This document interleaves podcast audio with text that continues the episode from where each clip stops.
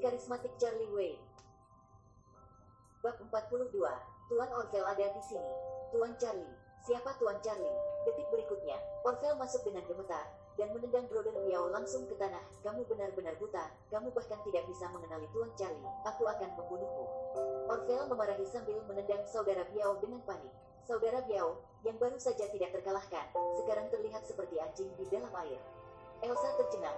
Bagaimana situasinya? Anak-anak juga panik. Pemuda ini sebenarnya adalah Tuan Charlie. Dia sebenarnya ingin melakukan sesuatu padanya sekarang, jadi dia mencari kematian.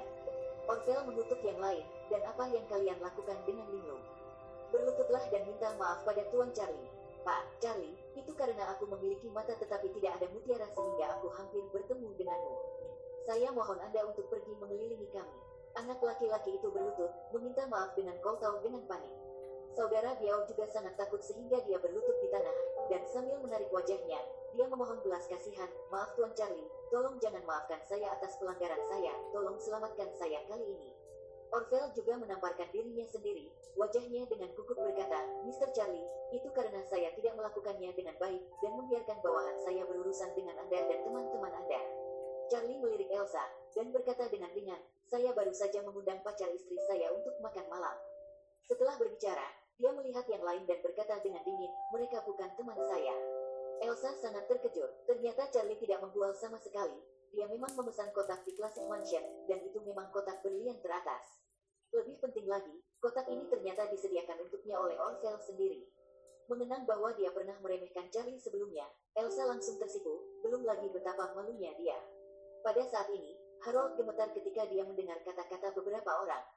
Apa yang terjadi, Charlie? Sampah ini, ternyata adalah teman Mr. Orvel. Wendy juga ketakutan. Charlie sebenarnya mengenal Mr. Orvel. Kuncinya adalah Tuan Orvel sangat baik padanya. Lihatlah tunangannya geral lagi, dia sudah koma dengan darah. Sambil menyeka keringat dingin di keningnya, Mer Orvel berjanji, Mr. Charlie, jangan khawatir, tidak akan pernah ada hal lain yang seperti ini. Mulai sekarang, kamu akan datang ke Classic Mansion dan makan di Diamond Box kapan saja. Ayo, aku memilih bola matanya nanti.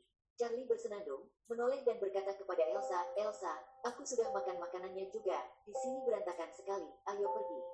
Elsa dibangunkan oleh Charlie, dan tanpa sadar bertanya, bagaimana dengan yang lain?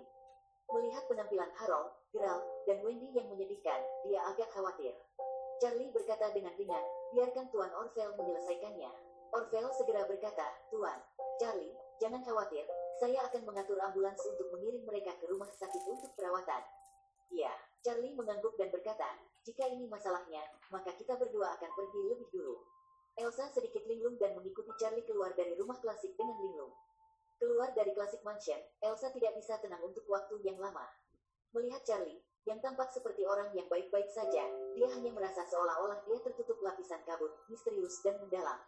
Charlie, apa yang terjadi hari ini?